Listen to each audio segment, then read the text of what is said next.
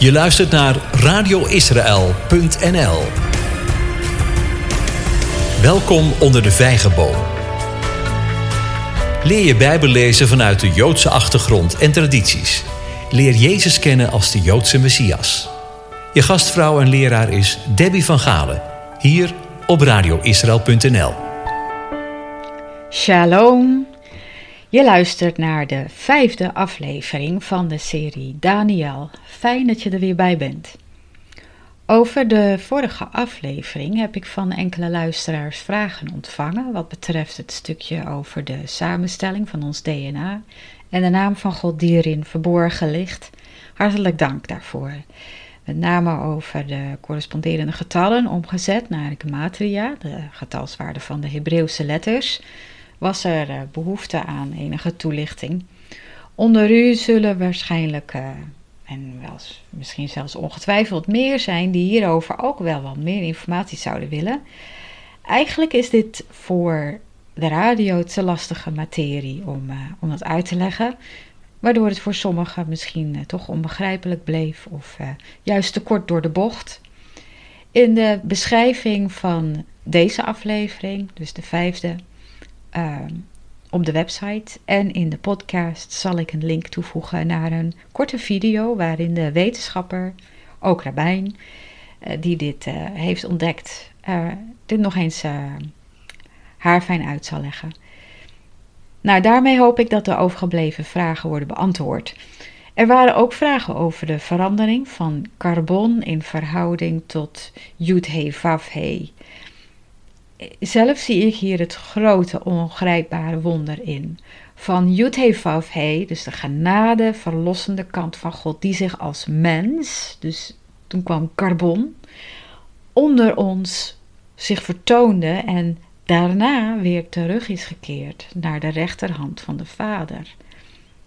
Het verschil tussen nitrogeen, geloof ik, en carbon is 2. Het getal dat staat voor getuigen. Is het niet de geest van God die getuigt van de Zoon, die de weg, de waarheid en het leven is? Zo zien we de eenheid van God, onze eigenaar, terug in ons DNA. Het gegeven dat we in deze tijd vanuit het perspectief van de Bijbel te maken hebben met toverij door middel van dit genexperiment. En het feit dat velen, ook onder de medegelovigen, dat niet doorhebben en zich hieraan onderwerpen met alle gevolgen van dien, bracht mij in een soort van worsteling die ik met u wil delen. En mijn worsteling was wanneer zoveel zich laten gebeuren dat de natuur van hun DNA door dit experiment zo langzamerhand wordt veranderd, is het dan een verloren zaak voor hun. En zeker voor onze broers en zussen. Terwijl ik zo aan het worstelen was met die vraag, hoorde ik onverwacht dit. Denk aan Farao, Mozes en de staf. En ik begreep meteen wat de Heer hiermee bedoelde, en ook dat wil ik graag met u delen. Want het gaf mij weer vertrouwen op een hoopvolle toekomst. En die wil ik u zeker uh, doorgeven. We lezen in Exodus 4 dat de Heere Mozes de opdracht gaf bij de braamstruik zijn staf op de grond te gooien en dat die onmiddellijk in een slang veranderde, een cobra wel te verstaan.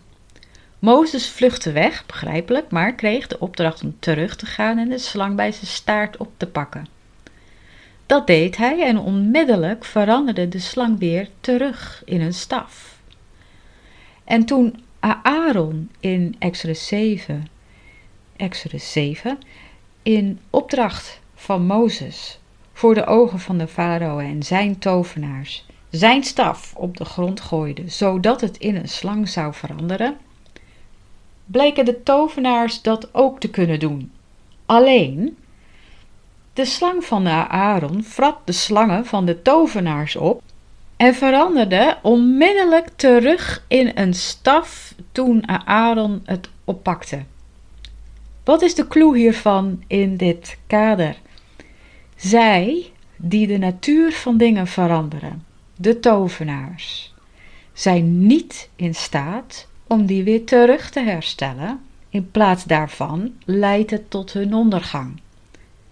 Alleen de Heere is in staat om de veranderde natuur van dingen, of dat nou door hemzelf is veroorzaakt of door de tegenstander. Alleen hij is in staat om de natuur van dingen weer te herstellen naar hun oorspronkelijke staat. De slang die nu rondgaat en mensen, ook onze medegelovigen, bijt om de eigenaarszegel te wijzigen, is onderworpen en zijn werk kan de Heere weer ongedaan maken.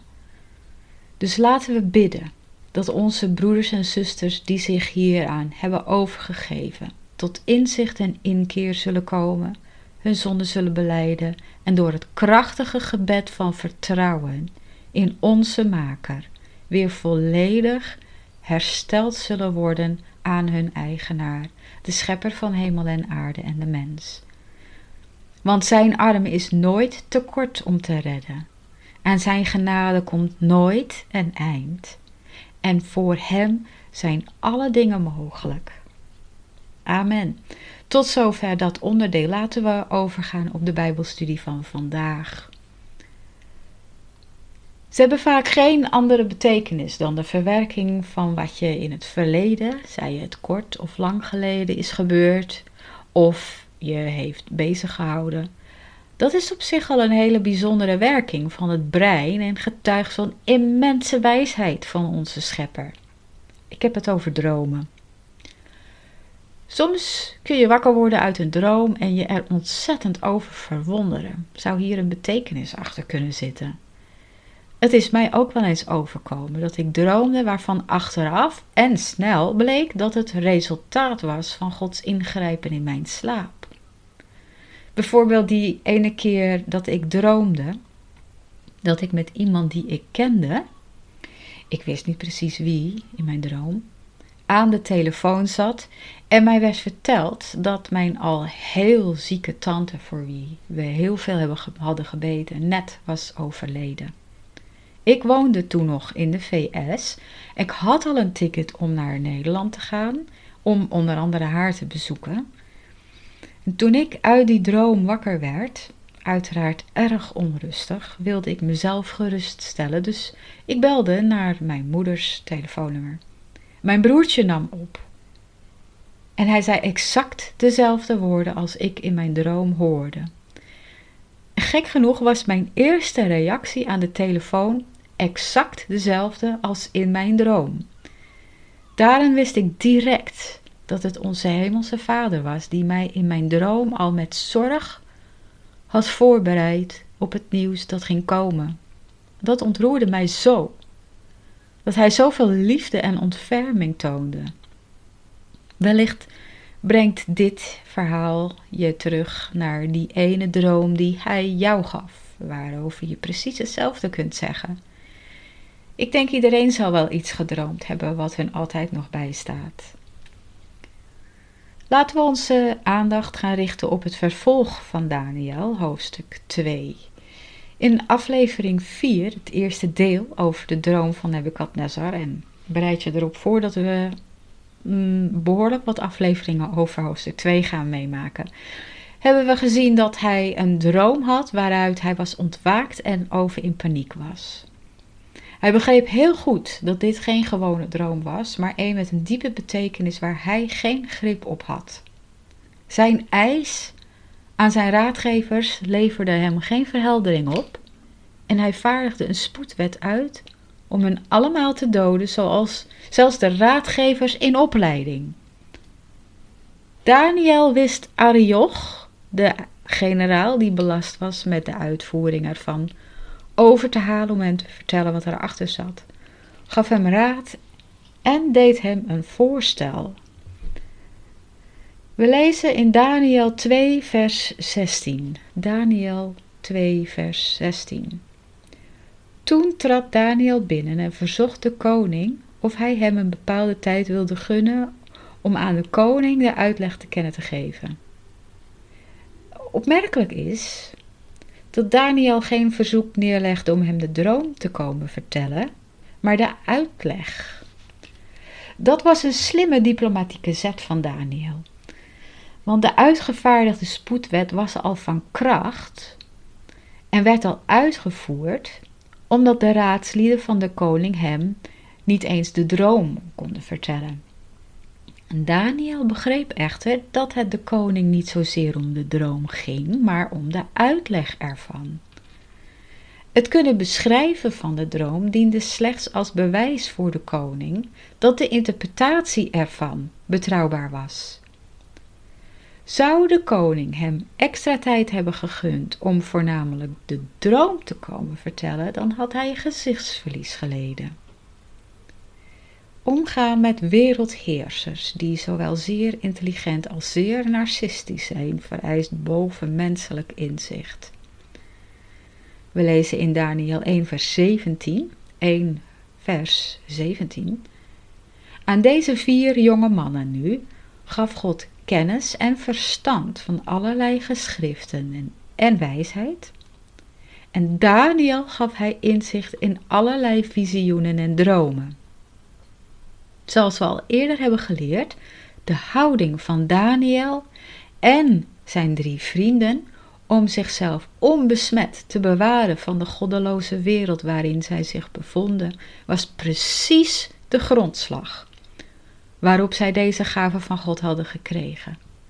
Dit stelde hen in staat om iedere situatie correct in te schatten op de mate van zuiverheid of het tegenovergestelde.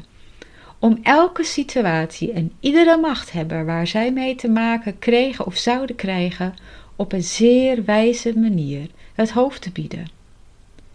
Ik hoop dat, het, dat u het met mij eens bent dat wij inmiddels in een wereld zijn beland die dit wederom van ons vraagt.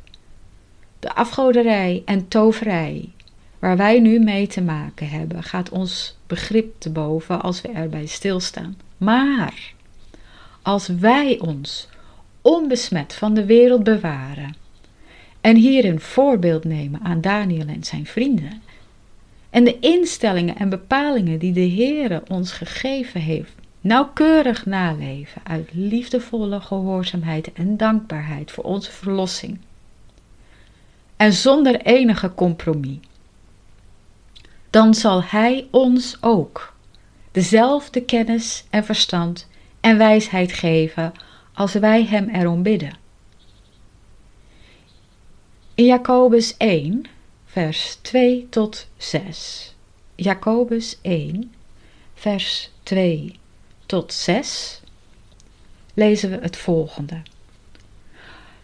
Acht het enkel vreugde, mijn broeders, wanneer u in allerlei verzoekingen terechtkomt. Want u weet dat de beproeving van uw geloof, de test van uw geloof, volharding teweeg brengt. Laat die volharding doorwerken om een perfect resultaat te bereiken zodat u perfect en volkomen bent en nergens in tekortschiet. Als iemand van u echter in wijsheid tekortschiet, laat hij die dan vragen van God, die aan ieder overvloedig geeft, zonder verwijt, en ze zal hem gegeven worden. Maar laat hij er wel geloof of in geloof, in vertrouwen, om vragen zonder een greintje twijfel.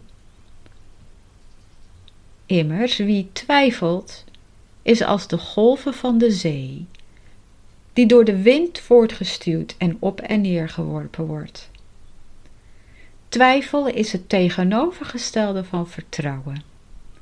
En er is geen enkele reden om te twijfelen als je geloof, dat wil zeggen je vertrouwen, op God is gesteld en niet op jezelf. Want God geeft aan een ieder overvloedig en maakt geen verwijten als je erkent dat de wijsheid die je nodig hebt van God moet komen. Wijsheid uit onszelf is verdorven en zonder enig verstand van geestelijke zaken. Wees daarom gerust, vrijmoedig. Terug naar Daniel. Zijn diplomatieke aanpak werkte en zijn vraag werd door de koning gehonoreerd. Ook de volgende stap die hij nam is richtinggevend voor ons vandaag. Daniel 2, vers 17 en 18. Daniel 2, vers 17 en 18. Daarop vertrok Daniel naar zijn huis en liet hij de zaak aan zijn vrienden Ganania, Mishael en Azaria weten, opdat zij het aangezicht van de God van de hemel zouden zoeken om barmhartigheid te verkrijgen met betrekking tot deze verborgenheid, zodat men Daniel en zijn vrienden niet met de rest van de wijzen van Babel zou doen omkomen. We krijgen hier veel informatie. Daniel ging naar zijn huis, maar waarom? Om een paar redenen. Ten eerste weten we door uh, Daniel 6, vers 11, Daniel 6, vers 11, dat hij gewoon was om driemaal per dag met het gezicht richting Jeruzalem voor het open raam te bidden.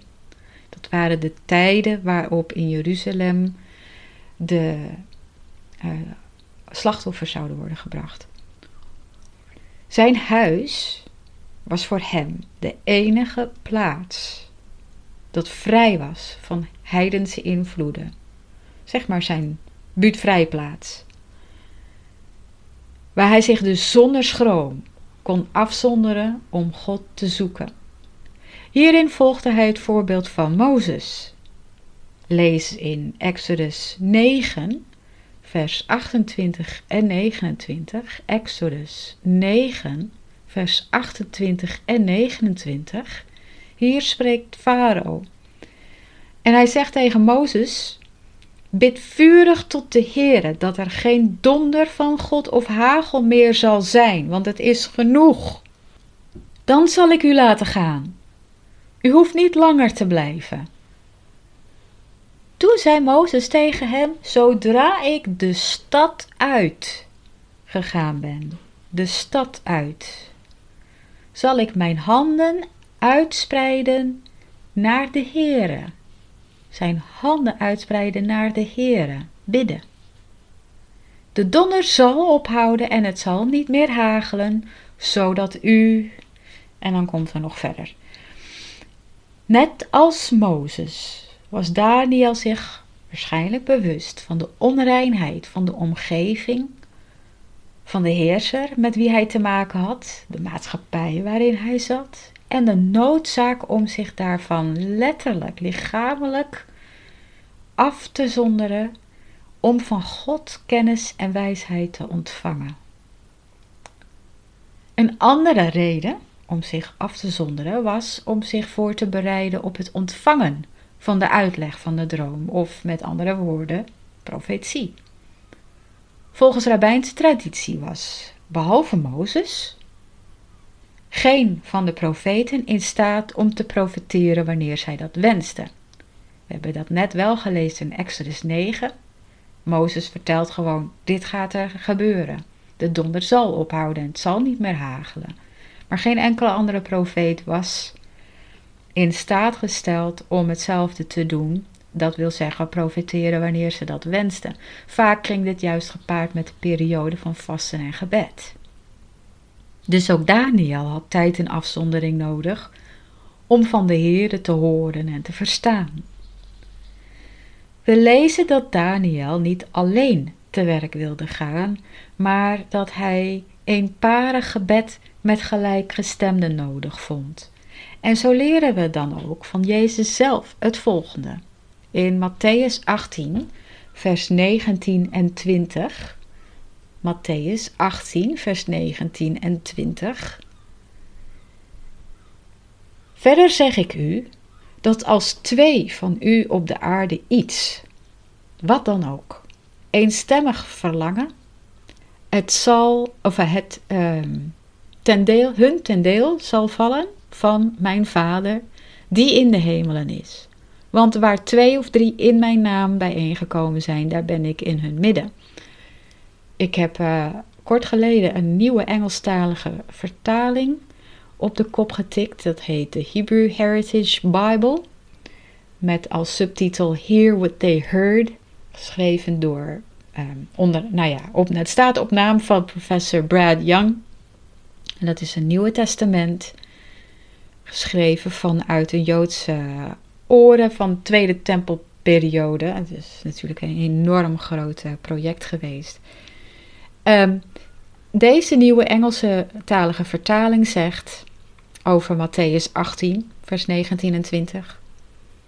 Wederom, in waarheid zeg ik u, dat als twee van u op aarde instemmen, over wat voor kwestie dan ook dat zorg inboezemt te vragen, het zal voor hun worden gedaan door mijn Vader die in de hemel is. Want waar twee of drie samengekomen zijn in mijn naam, daar ben ik samen met hun.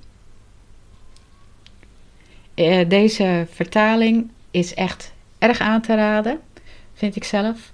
Uh, het is wel alleen online te bestellen.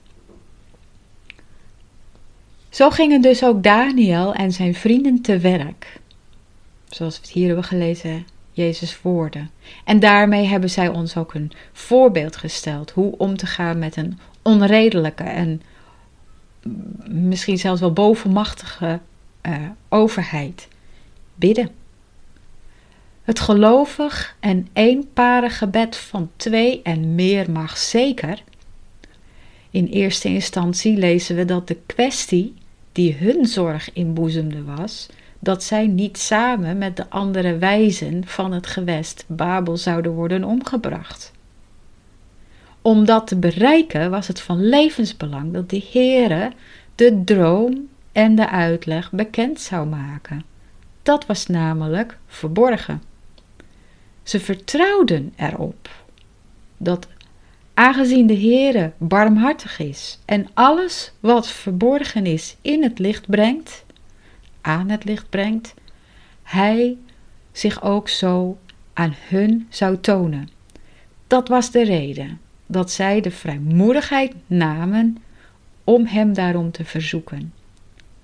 En net zoals we Jezus hebben horen zeggen, gebeurde daar ook. Het werd hun bekendgemaakt. Dat wil zeggen, het werd Daniel bekendgemaakt in antwoord op het verenigd gebed van vertrouwen van hun alle vier.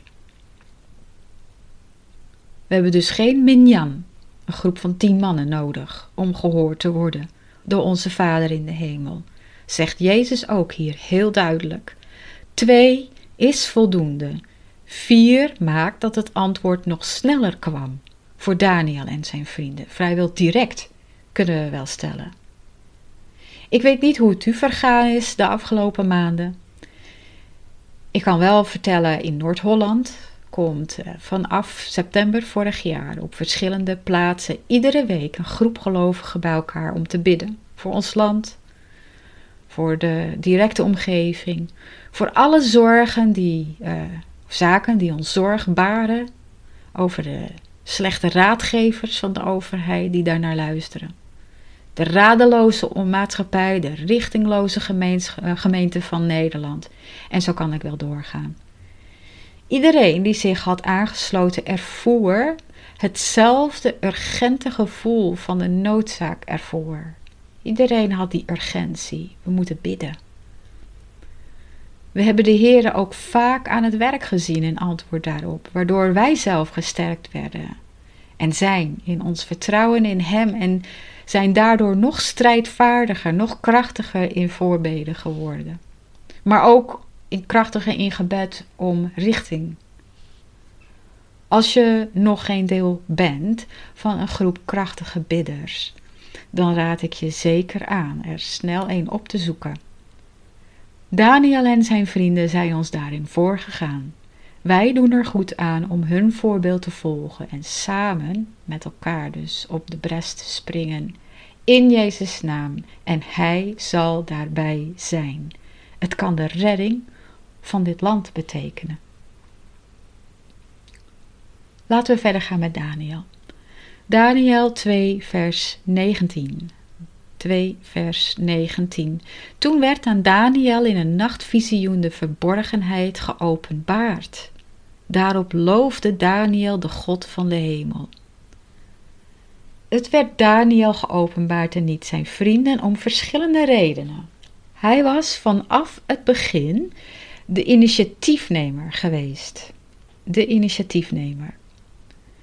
Om met het risico dat het zijn leven zou kosten, hun omstandigheden zodanig te veranderen dat zij zelfs aan het heidense hof vol afgoderij, toverij enzovoort van de Babylonische koning zich niet zouden verontreinigen, maar de naam van de Heere zouden kunnen heiligen.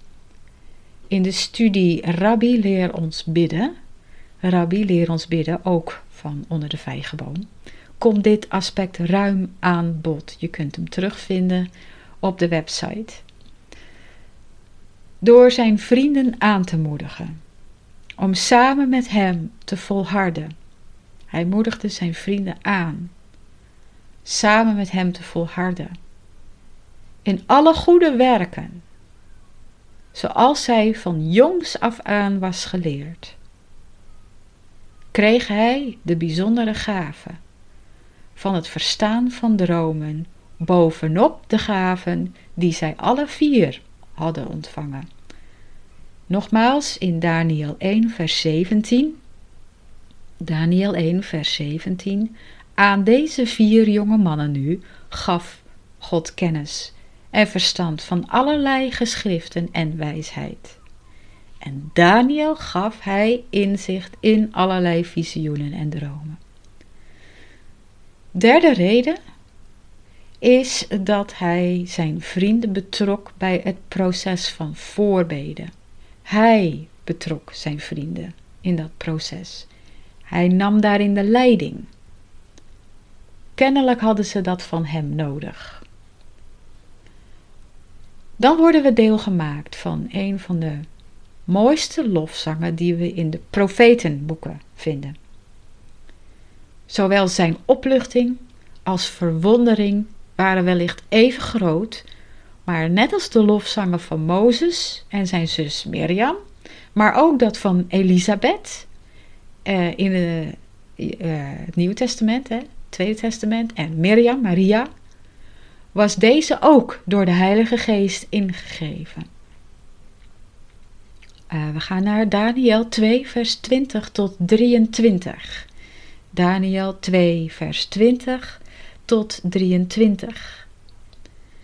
Daniel nam het woord en zei: De naam van God zij geloofd van eeuwigheid tot in eeuwigheid, want van Hem is de wijsheid en de kracht. Hij verandert de tijden en tijdstippen. Hij zet koningen af en stelt koningen aan. Hij geeft de wijsheid aan wijzen, de kennis aan wie verstand hebben. Hij openbaart diepe en verborgen dingen. Hij weet wat in het duister is, want het licht woont bij hem. U God van mijn vaderen, dank en prijs ik, omdat u mij wijsheid en kracht hebt gegeven en u mij nu hebt laten weten wat wij van u hebben verzocht, want u hebt ons de zaak van de koning laten weten. Veel van de woorden die wij hier lezen komen uit de Hebreeuwse Bijbel, uit eh, dan met name de, de Ketuvim, geschriften van de Hebreeuwse Bijbel. En daaruit blijkt hoezeer Daniel bekend was en vasthield aan deze oude geschriften. Bijvoorbeeld um, deze drie. Ik, ik noem ze alleen even qua tekst. Uh, we gaan uh, ze niet samen lezen. Uh, Psalm 139, vers 12. Psalm 139, vers 12. Spreuken 14, vers 6. Spreuken 14, vers 6. En Psalm 33, vers 9. Psalm 33, vers 9. Ik zou zeggen, zoek ze op en uh, lezen. En leg ze eens naast uh, dit uh, gebed van Daniel. De wijze waarop deze woorden van Daniel zijn opgeschreven zijn een typische vorm van Joodse poëzie uit de oudheid. Als wij deze lofzang opbreken in stukjes, dan zien we verschillende parallelismen die met elkaar een chiasme vormen, waardoor we de kern van Daniels lofzang ontdekken. Dat is het doel van een chiasme, om te ontdekken wat de kern is van een stuk tekst. Hoe belangrijk is dat? Ik denk voor het begrip van de ernst van de zaak, die hun zoveel zorg had ingeboezemd, heel belangrijk. Laten we eens goed kijken naar, uh, deze, naar dit gebed, deze lofzang. En um, wat ik heb gedaan is, ik heb met drie kleuren gewerkt om een uh, goed overzicht te krijgen voor mezelf. En um, ik heb met uh, en ik heb een, een, schema ervoor um, gezet. Dus laten we, laten we daar gewoon even naar kijken. Iedere regel in dit gebed geven een letter. Of bijna iedere regel. Geven een letter om het patroon te duiden. En daarbij denken we de versnummers even weg, want die werken alleen maar storend voor dit doel. Um, de naam van God zij geloofd van eeuwigheid tot in eeuwigheid. Die heb ik de letter A gegeven. En ik heb die regel, of die twee regels, die heb ik geel gekleurd. Want van hen is de wijsheid en de kracht. Ik heb dat blauw gegeven. En ik heb ervoor gezet B1. B van Bernhard 1. Hij verandert de tijden en tijdstippen hij zet koningen af en stelt koningen aan.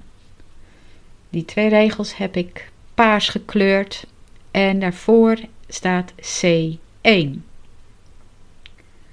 Achter die twee regels heb ik een accolade gezet, want hierin zie je een parallelisme.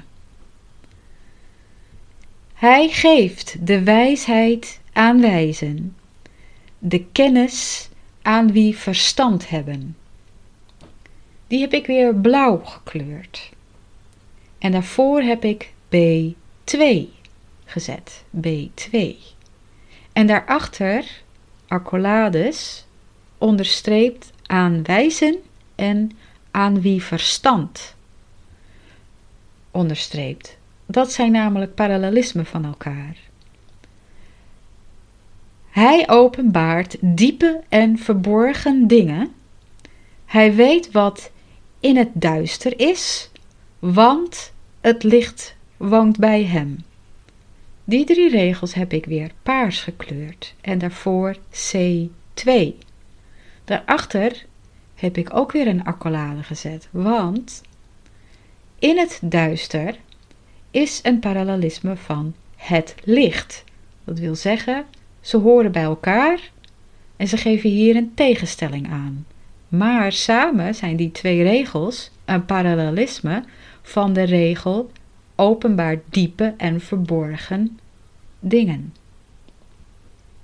Denk maar aan een hele diepe oceaan. Daarin is het duister en hij, hij, hij, uh, hij openbaart die dingen. Hij brengt het aan het licht, want het licht woont bij hem. Volgende zin. U, God van mijn vaderen, dank en prijs ik. Die heb ik weer geel gekleurd. En daarvoor heb ik weer A gezet. Omdat u mij wijsheid en kracht hebt gegeven en mij nu hebt laten weten wat wij van u hebben verzocht, heb ik weer blauw gekleurd.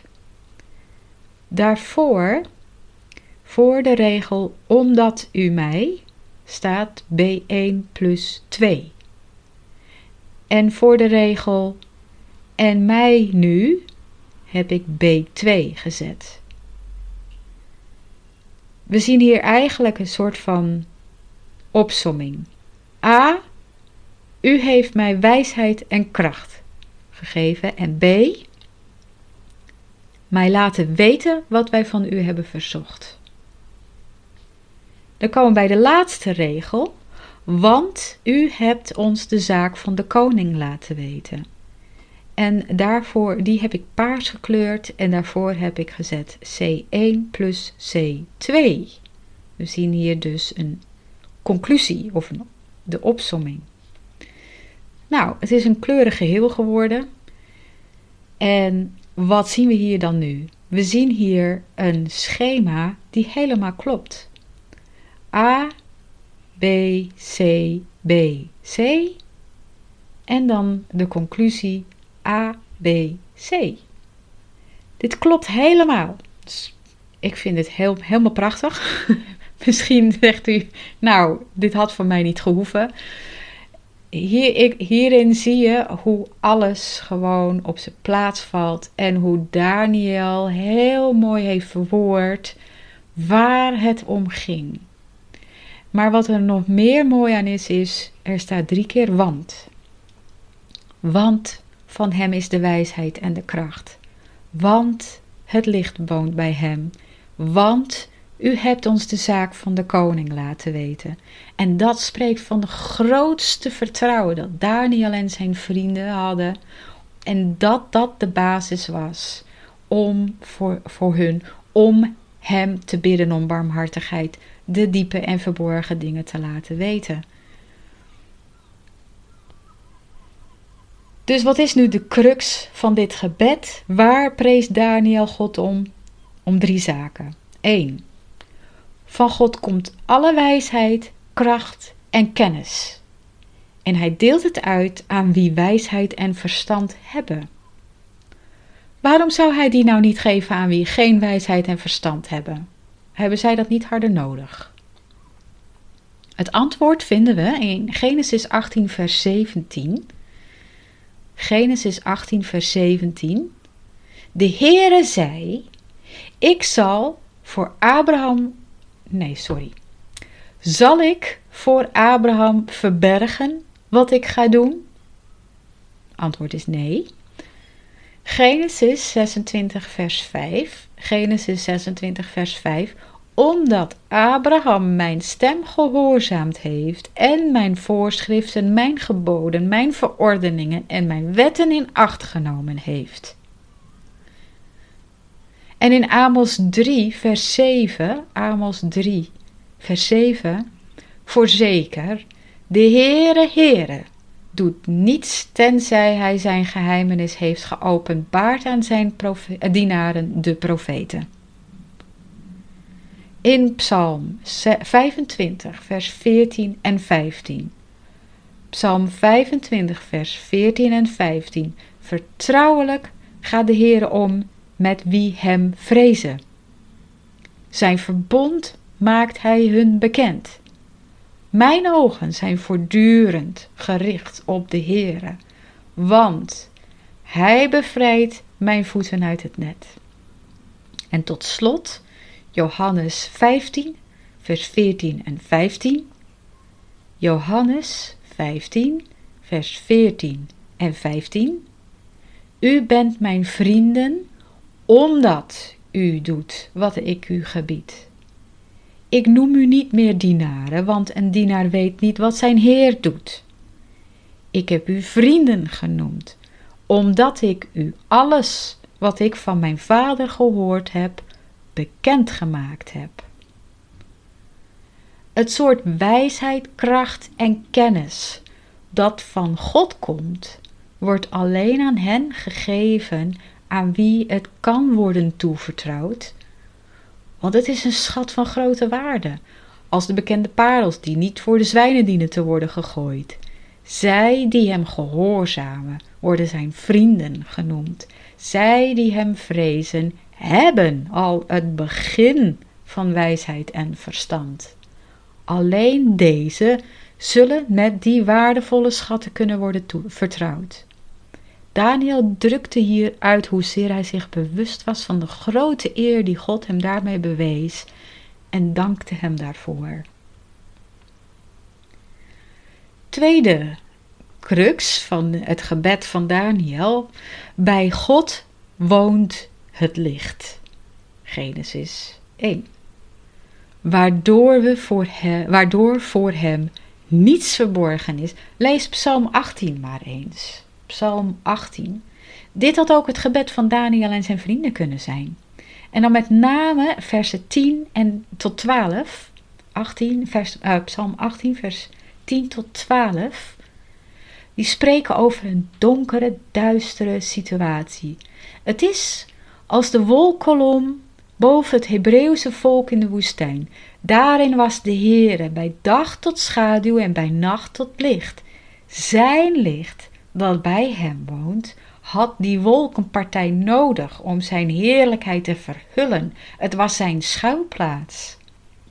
Anders was het volk omgekomen vanwege de immense kracht ervan. En terwijl het licht in de wolkolom voor het volk dat door de Schelfzee trok tot verlossing was, was het voor de farao en zijn legers, die hun over datzelfde pad op de hielen zaten, tot duisternis en leidde tot hun ondergang. Dus als de duisternis waarin deze wereld zich bevindt, misschien bevind je je persoonlijk leven wel in een duisternis en het vliegt je aan, bedenk dit dan. Juist in de duisternis is Hij in volle glorie en al zijn macht aanwezig, maar Hij omhult zich met het duister, maakt het tot zijn schuilplaats ter bescherming van de zijnen om verlossing te brengen. Tegelijkertijd kan niets wat in het duister plaatsvindt daarom verborgen blijven voor hem, want waar hij is, is het licht. De duisternis is van hem, zijn stuk gereedschap om mee te doen zoals het hem goed dunkt. Ook Daniel en zijn vrienden werden hierin de ogen wijd geopend en het werd waarheid voor hun. Wat een vrede en blijdschap gaf hun dat. En ik hoop dat het u, dat het jou ook die vrede en blijdschap geeft. Het derde punt was de grote zorg die leefde om hun veiligheid vanwege het waanzinnige besluit van de koning en de uitredding die de Heere gaf. Ik denk dat we dit ons nu wel, ja, dat we dit wel herkennen. Hè? Hoeveel van ons, ik wel, maken zich zorgen om de weg die de wereld en onze overheid in het bijzonder in 2020 is ingeslagen en de gevolgen die dit heeft voor ons allemaal. We zijn niet zeker meer van onze veiligheid en voelen de groeiende druk met de dag om te zwichten voor de mooie plaatjes die ons worden voorgehouden als we maar buigen, als we maar neervallen in onderwerping. We weten dat de plaatjes en mooie beloftes bedrog zijn. Maar ik vrees voor het aantal mensen die dat liever niet zien, om hun leven angstvallig te behouden of herstel te zien. Het lichaam van Christus, van de Messias, is in een tijd van grote beproeving terechtgekomen, van toetsing, om te zien wat er in ons hart is. Zoals we lezen ook in Psalm 66, vers 10. Psalm 66, vers 10 en ook Psalm 81, vers 8. Psalm 81, vers 8. We doen er echter goed aan om de waarheid van Jezus' woorden diep tot ons door te laten dringen. Zoals we het in Johannes 15, vers 18 tot 21 lezen kunnen. Johannes 15, vers 18 tot 21. En ik uh, heb nu de, dat stukje, dit stuk uh, vertaald vanuit die Hebrew Heritage Bible. Als sommige mensen van de wereld u haten, weet dat zij mij eerder dan u gehaat hebben. Als u van de wereld zou zijn, zou de wereld het hare lief hebben. U bent niet van de wereld, maar ik heb u uit de wereld gekozen en daarom haat de wereld u. Herinner u het onderwijs dat ik u heb gegeven? Een dienaar is niet groter dan zijn heer. Als zij mij vervolgd hebben, zullen zij u zeker ook vervolgen. Aan de andere kant, als zij mijn onderwijs in acht genomen hebben, zullen zij ook het uwe in acht nemen. Maar al deze dingen zullen zij aan u doen omwille van mijn naam. Zij kennen hem die mij gezonden heeft, per slot van rekening niet. Wie zal de toets van deze tijd doorstaan en volhouden tot het eind om de kroon van het leven in ontvangst te mogen nemen? Jacobus 1, vers 12. Jacobus 1, vers 12. Zij die hun ogen scherp op onze leidsman gericht hebben. Hebreeën 12, vers 1 en 2. Hebreeën 12, vers 1 en 2. Zij die Jezus onderwijs ter harte nemen en er nauwkeurig naar leven in de kracht van de Heilige Geest. We lezen in Psalm 25, vers 15. Psalm 25, vers 15. Mijn ogen zijn voortdurend gericht op de Heere, want Hij bevrijdt mijn voeten uit het net. Lazen we eerder dus ook. En zo hadden Daniel en zijn vrienden in groot vertrouwen op de kracht van de Heere om te bevrijden, samen hun ogen voortdurend op de Heere gericht gehouden. Ik denk dat dit een wijze van bidden is waar wij er ook goed aan doen om die ons eigen te gaan maken. Bidden en voorbeden doen in vertrouwen dat God zegt, of God is wie Hij zegt te zijn. De Heere, onze heiland, Jezus is wie Hij zegt te zijn. En daar vertrouwen in te doen, bijvoorbeeld, want Hij geeft kennis, of sorry, Hij geeft wijsheid, kennis en blijdschap aan de mens die goed is voor zijn aangezicht. Prediker 2 vers 26. Prediker 2 vers 26. Want hij heeft zeer grote dingen gedaan. Jezaja 12 vers 5. Jezaja 12 vers 5. Want hij is mij tot heil geweest. Psalm 118 vers 4. Psalm 118 vers 4. En ga, en ga zo maar door. Eh, zoek het maar eens op met uh, online concordantie. Want hij of want de Heere. Onze hemelse Vader hoort niets liever van ons dan onze smeekbeden vanuit een houding van vertrouwen in Hem. Want van U is het koninkrijk en de kracht en de heerlijkheid tot in eeuwigheid. Zijn de woorden die waarin het uh, gebed ook eindigt dat onze rabbi Jezus zijn discipelen leerde. Daniel eerde God, want u hebt ons de zaak van de koning laten weten. Hoor je hem in gedachten ook dit uitjubelen? Bevrijding van hun grote zorg, omdat God zich ontfermde over zijn vrienden, zijn Gods vrienden, die hun vertrouwen op hem stelden. Die is er ook voor ons vandaag de dag. Want de ogen van de Heer trekken over de hele aarde om zich sterk te bewijzen aan wie, aan hen van wie het hart volkomen is met hem. 2 Kronieken 16 vers 9a. 2 Kronieken 16 vers 9a. Want hij vervult het verlangen van wie hem vrezen. Hij hoort hun hulpgeroep en verlost hen. De Heere bewaart allen die hem liefhebben. Psalm 145, vers 19 en 20a. Psalm 145, vers 19 tot 20a.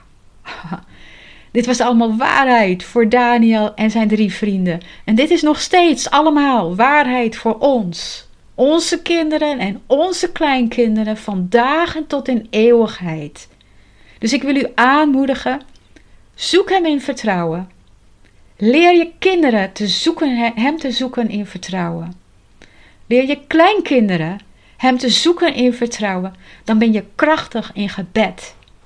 En zoek net als Daniel ook gelijkgestemden daarvoor op. Hou vol. Hiermee sluiten we deze uitzending af. volgende keer zullen we met Daniel meegaan naar de koning. En zien we uit naar wat we dan weer geopenbaard zullen krijgen van hem, die zijn vrienden bekend maakt wat hij van plan is te gaan doen. Mijn naam is Debbie van Galen. Je luisterde naar Onder de Vijgenboom, het Bijbelstudieprogramma van radioisrael.nl. Hartelijk dank hiervoor. God zegen en vrede voor jou en liedrood.